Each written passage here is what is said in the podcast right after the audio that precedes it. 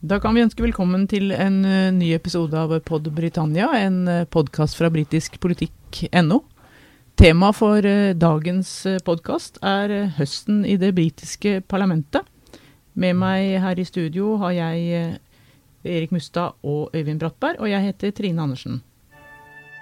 We shall never surrender. The pride in who we are is not a part of our past. It defines our present and our future. The people of Scotland have spoken. England, Scotland, Wales, Northern Ireland together, taking us forward, unleashing the potential of the whole country.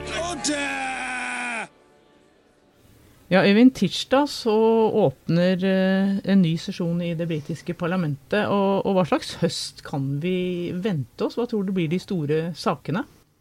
Det vil bli en høst som fortsatt vil preges av eh, koronasituasjonen. Det tror jeg vi uten videre kan, eh, kan anta. Og så ligger det bakenfor det hva skal si, Det overskygger jo veldig mye annet av det som har vært regjeringens agenda. Dette føles jo fortsatt som en ganske nyvalgt regjering etter parlamentsvalget i, i, desember i fjor. Og de andre sakene som liksom har vært kampsaker for Boris Johnson og hans kumpaner, vil jo, vil jo kjempe om, om, spalteplass og om debattid, kan du si. Men korona og ikke å forglemme brexit vil nok være de to store overskriftene denne høsten. Er du enig i det, Erik? Ja, jeg er helt enig i det. Eh, det er jo spennende å se hvordan eh, koronaen kommer til å også dominere det politiske landskapet når vi går inn i en ny sesjon nå. Eh, og så ligger jo det brexit-spøkelset der enda. Vi, vi, må huske at 2020 er overgangsåret etter at Boris Johnson vant valget og tok Storbritannia ut den 31. januar i år. Eh, og regjeringen har sagt at ikke de vil utsette denne eh, fristen eh, for overgangsperioden som går ut ved, ved årsskiftet. Og da må det jo noen intense forhandlinger til hvis man skal kunne komme til en avtale med Den europeiske unionen. Men hvis vi ser et år tilbake, da var Boris Johnson helt nyvalgt statsminister. Han overtok en regjering med et flertall i parlamentet som forsvant ganske så kjapt. Nå sitter han med et flertall på 80 kan han gjøre akkurat som han vil, Øyvind? Det kan han jo ikke, og det er noe av det vi får eh, prøvd ut i løpet av denne høsten. Hva slags betydning de interne fløykampene i det konservative partiet egentlig vil ha. Boris Johnson er jo som statsminister litt i skvis mellom ulike strømninger i, i sitt eget parti. Du har de som, som, mener at man bør ha mest mulig frislipp, altså slippe økonomien fri slippe eh, Storbritannia fri fra EU, slippe eh, hver enkelt eh, del av næringslivet fri osv. Og, så og de føler jo, mange av de, at, at hele koronasituasjonen har bidratt til en sånn nå er staten altfor mye til stede. Alle plasser i økonomien. Det brukes for mye offentlige penger. Det er for mange sterke reguleringer av hva man får lov til å gjøre osv. Og, så og de vil nok forsøke å trekke Boris Johnson ut i, i, i friere lende, kan du si. Og så er det en annen pressgruppe som også er markant til stede, og det er mange av de nyvalgte parlamentarikerne fra nord som ønsker synlig bedring av folks levekår med det samme. Og at brexit også skal markere nettopp det. At man ikke bare blir fri fra, fra stengslene i Europa, men man skal også oppleve at man skal være stolt av å være britisk. Man skal merke det på arbeidsplasser og lommebok, og ting skal bli bedre. Eh, og begge disse fløyene vil eh, Boris Johnson ha vanskeligheter for å tilfredsstille. Og han vil i alle fall ha vanskeligheter med å komme begge to i møte samtidig. Ja, og Da snakker du om fløyer i hans eget parti, ikke sant? Det gjør jeg. Mm -hmm. Og det betyr jo at dersom de fløyene begynner å, å rasle med sablene, så er det ikke sikkert at regjeringen kan, kan rolig iverksette sin agenda, selv om de har et ganske klart flertall i Underhuset? Det er det som er det interessante, tror jeg, her nå. fordi at hvis vi ser på unionen og, og den rammen som den unionen er med, med England, Skottland, Wales og Nord-Irland, og så ser man da også innad i det konservative partiet, hvor, hvor det er alle disse forskjellige pressgruppene. Eh, og, og vi, kan, vi, vi, kan, la oss blende av valgresultatet eh, på vegne av Boris Johnson fra desember i fjor, da som du nevnte, Trine, han fikk et solid flertall. Men det er ikke alltid sånn at han kan sjonglere det flertallet som han vil. Vi så jo under Tony Blairs tid f.eks. at det var mange fløyer i Labour også som, som stemte mot eh, Tony Blair eh, og regjeringen i Underhuset. Og i den nokså tilspissa situasjonen vi kommer til å få eh, i høst, så vil jeg tro at det samme som Øyvind er inne på her, kan skje med de konservative. Der er så mange eh, interessemotsetninger. Eh, og parlamentarikerne vet vi at de, de, er nødt til å ta hensyn til sin egen valgkrets, eh, de som valgte de.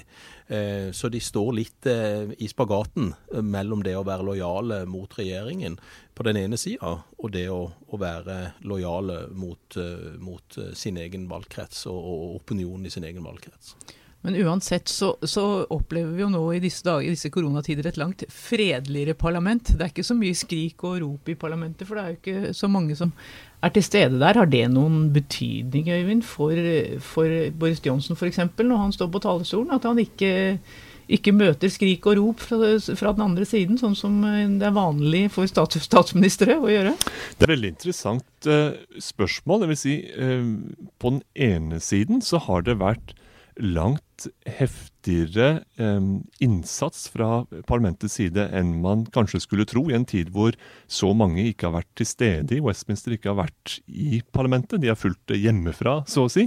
Så har det like fullt vært ganske intens oppfølging av og kritikk av regjeringens håndtering av koronasituasjonen spesielt. Så det har vært et veldig levende ordskifte. Men i salen har det ikke vært særlig levende. Der har det vært ganske så, så stillfarent. Og, og, her mener vel de fleste at et mer, en mer et mer fullsatt eh, kammer ville være til Boris sin fordel, fordi han trenger en heiagjeng i fravær av andre sterke argumenter å slå i bordet med. Ikke minst gjelder det i statsministerens spørretime. Ja, og han trenger jo en heiagjeng også fordi at han nå har fått en helt annen eh, opposisjonsleder i sir sør Keir Starmer, Labours nye eh, leder, som har tatt over etter Jeremy Corbyn, som jo er blitt vist seg å være en solid motstander for Boris Johnson i spørretimen. Ja, og, og det med heiagjeng er viktig for politikere som Boris Johnson. Rett og slett fordi at eh, vi ofte, ofte ser kanskje at eh, de mangler litt på innholdssida.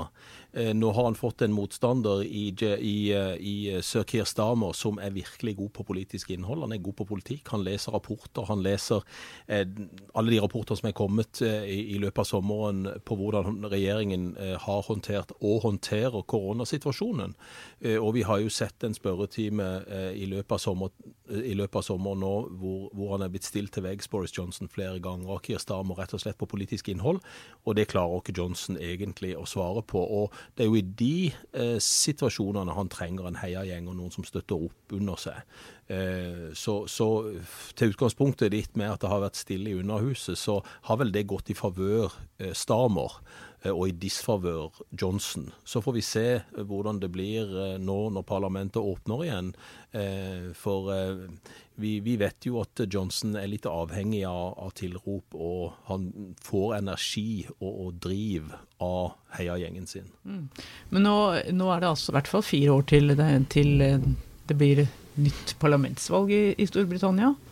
Og så, så, har det så fryktelig mye å bety da, hvordan eh, Johnson egentlig gjør det i parlamentet nå? De fleste vesentlige skifter i britisk politikk gjennom de siste tiårene har hatt et, et, ganske langt forløp. Altså at man har, i hvert fall når det gjelder skifte av eh, statsminister, når en sterk statsminister har kommet inn, så er det ofte med en ganske langt forløp. Boris Johnson er kanskje et unntak fra nettopp det. men Hvis man ser forløpet for Margaret Thatcher eller for Tony Blair f.eks., så kan man, hvis man tar et blikk i historiens bakspeil, se at det var flere år med langsomt eh, opp oppbygging av et sterkt image som opposisjonsleder, hvor det når man kommer omsider til et valg, viser seg at den sittende statsministeren har fint lite å, å by på i møte med en en sterk opposisjon.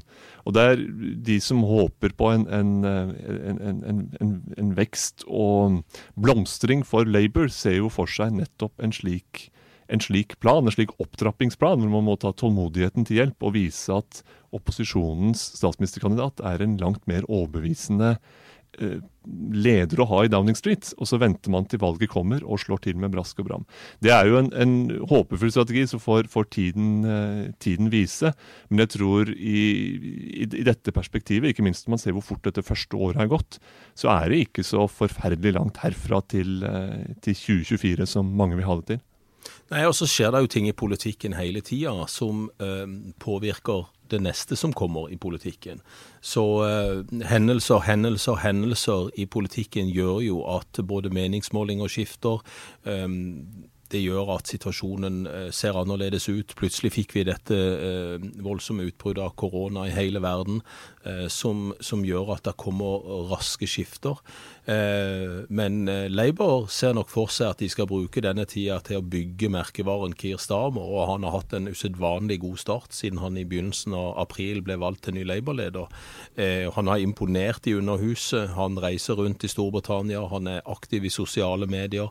Og han er en, en, figur som kanskje veldig mange som i desember stemte konservativt, men som kanskje egentlig tidligere har stemt Labour, kan se for seg som statsminister i Downing Street. Og vi vet jo hvor viktig det er i politikken at de er statsministerklare, eller at de kan se for seg eh, en leder som statsminister. Og det var det vel et mindretall av de som stemte uh, Labour som, som gjorde med Jeremy Corbyn. Nå ser de det kanskje at de har en litt annen figur i Kirstamer. Og det i seg sjøl bør jo være, eh, om ikke en trussel umiddelbart, men bør iallfall være et lite varsko til Boris Johnson og den konservative regjeringen. At uh, vi ser av personlige meningsmålinger som har gått gjennom sommeren, at nå er det et flertall som syns at Keir Starmer vil være den beste mannen i Downing Street, og ikke Boris Johnson. Uh, så ja, på én side så kan vi si at vi kan bare dytte det til side. Og det er heller ikke langt til 2024, for tida går veldig, veldig fort. Men så er det også det at eh, en, eh, en ser nok målinger gå litt opp og ned. Boris Johnson har jo også en uh, lederstil som uh, Den er på sitt beste når han både kan begeistre og delegere. Og slik som dette året har utviklet seg med, med, koronasituasjonen, så har det vært vanskelig begge deler. Det er vanskelig å begeistre i en så kritisk og alvorlig og tragisk situasjon.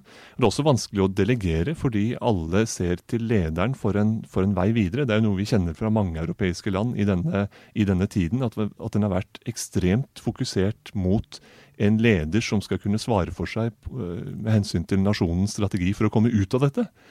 Og Boris Johnson har vanskeligheter med å ikle seg den rollen, og det er noe av det han må, må eh, forsøke å komme ut av. Altså både det å kunne gjenvinne en form for begeistring, litt mer frilynt begeistring, og det å kunne delegere til sterke og kompetente krefter omkring seg, istedenfor at, at alt samles omkring ham, selv på områder hvor han ikke har den fulle oversikt. Ja, har han vært en tydelig leder, syns du Erik, i, i denne koronatiden? Og ble han jo sjuk sjøl, men han kom jo faktisk ganske kjapt tilbake. Etter 14 dager så var han vel på, på jobb, eller 14 dager til tre uker var han på jobb igjen. Hvordan syns du han har gjort det som eh, statsminister etter, etter, det?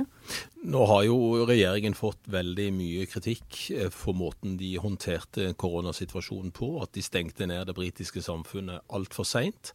Og det er mange interesser som skal sjongleres samtidig. Og det eh, er jo tilfellet i, i alle, alle, land. At du skal håndtere økonomien, du skal um, imøtekomme ønsker og, og kanskje føler press fra, fra, forskjellige grupperinger i samfunnet som ønsker A, B og C. Eh, I det store og det hele så er det nok gjort en del feil eh, i, i, løpet av disse månedene. Eh, vi så jo at han eh, også forsvarte sin spesialrådgiver Dominic Cummings da han brøyt koronareglene. Det er regler som han selv hadde vært med å utforme. Så han har jo vært under konstant press. Så eh, noe no klar lederstil eh, eller noe no klar lederrolle har vel kanskje Johnson ikke tatt. Eh, og så er jeg enig med Øyvind at han er en som trenger å være litt løs i snippel og slenge litt med kommentarer her og der. Da er Johnson på sitt beste. Og så er han også på sitt beste når det er andre folk rundt han som kan utføre politikken og kan snakke politikk. Og så kan han være den litt eh, bustete frontfiguren som, som, eh, som, vi har sett også da han var borgermester i, eh, i, London Da fikk han gjort ganske mye, men han hadde kompetente folk rundt seg som, som hjalp han med det. Så jeg er ikke uh, veldig imponert over det regjeringen har gjort, og heller ikke veldig imponert over disse daglige brifingene som regjeringen har hatt sammen med helsemyndigheter om situasjonen. Eh, og det tror jeg kanskje jeg deler med veldig mange journalister og, og akademikere i Storbritannia. Ja, og Hvis vi går litt tilbake til sir Keir Starmer, han, eh, han, er jo jurist. Men du, Øyvind, du, du, kjenner jo bakgrunnen hans ganske godt. Kan du fortelle litt om hva slags eh, person det nå er som står på den andre siden eh, i spørretimene i Underhuset? Det var jo mye diskutert før han ble valgt som partileder, at, at det siste man trenger nå, er en velutdannet mann fra, fra London-bobla. Det vi trenger er en, eh, eller det Labour trenger, er en, en ung kvinne fra annensteds i England som snakker bredt og annerledes, og som har føtta plantet på, på gulvet, på en, på en måte. Um, Keir Starmer ble nå valgt som partileder likevel, og han har vel taklet noen av de eh, altså de, de, de, Den skepsisen mot hans lederskap har vel eh, ikke slått ut så sterkt som, som, folk skulle tro. Han har klart å, å kombinere en veldig sånn eh, kompetent stil. Jeg, at han til enhver tid er godt opplest på det han skal forstå. Eh, kombinert det med et, et verdisett og med en ganske så folkelig orientering. Overraskende folkelig stil, egentlig. Eh, og hans fortid som jurist og regjeringsadvokat er jo også preget av at han har vært engasjert i en del typiske venstresidespørsmål, fagbevegelsesspørsmål, menneskerettighetsspørsmål. Så han er, jo ikke, han er jo ikke så fjernt fra de sosiale problemer og den hverdag til folk flest som kanskje noen vil ha det til. Eh, så han har jo han, han har fungert godt fram til nå. Han har kanskje vært den lederen Labour trengte fram til nå. Men da skal vi også huske på at den situasjonen Storbritannia har stått i, har passet veldig godt i hans lederstil. Det er ikke gitt at, at den vil passe like godt når når brexit dominerer alt, fordi han har en, en så sterk remain-fortid at det er fremmedgjørende for en del av venstresidas nei-velgere, som, som, ikke vil høre, høre, på den typen budskap. Så han har, en, han har også store oppgaver foran seg, men det man kan si er at han har mestret opposisjonsledertiden i koronakrisen veldig godt. Ja, det er jeg helt enig i. og Han er på en måte en partileder med den bakgrunnen han har, og som du skisserte nå, som passer inn i den tida vi er. Det er det ingen som helst tvil om. Så han, eh, han blir nok også utfordra på en helt annen måte nå, når, eh, hvis vi får noe hverdag i løpet av den sesjonen som kommer nå. Det vet vi jo ikke om, om hverdagen blir sånn som, sånn som han var før. Men uh, han har også ganske mange uh, utfordringer uh, etter hvert. Og det er klart, hele Storbritannia har jo det. Mm.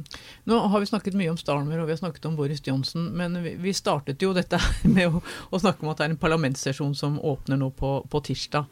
Men hvor stor makt har da egentlig parlamentet i den situasjonen eh, vi nå befinner oss i, Øyvind? De har i alle fall den makt at de skal stille regjeringen til ansvar til enhver tid. Eh, og nå er det jo slik i britisk politikk at en regjering med stort flertall kan forholde seg ganske avslappet til det, stort sett.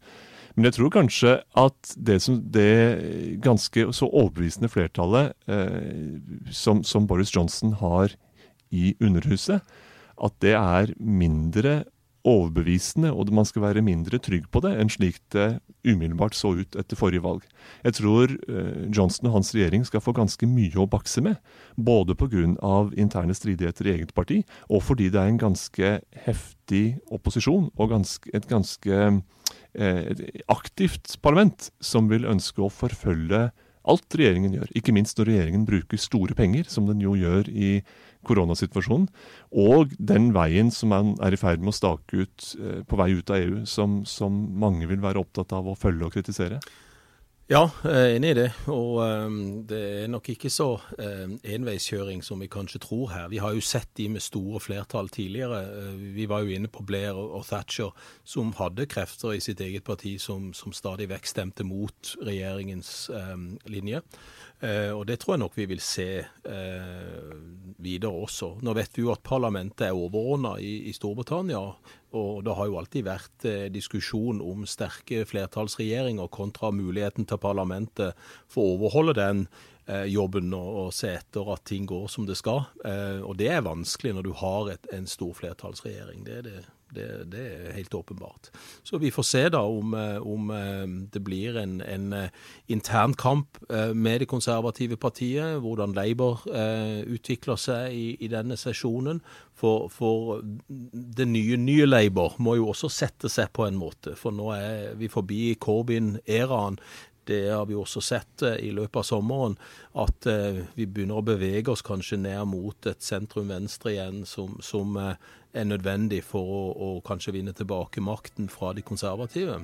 Så det vil være krefter i begge de store partiene eh, som vil sette partiledelsen, eller de to partiledelsene på, på, på prøve.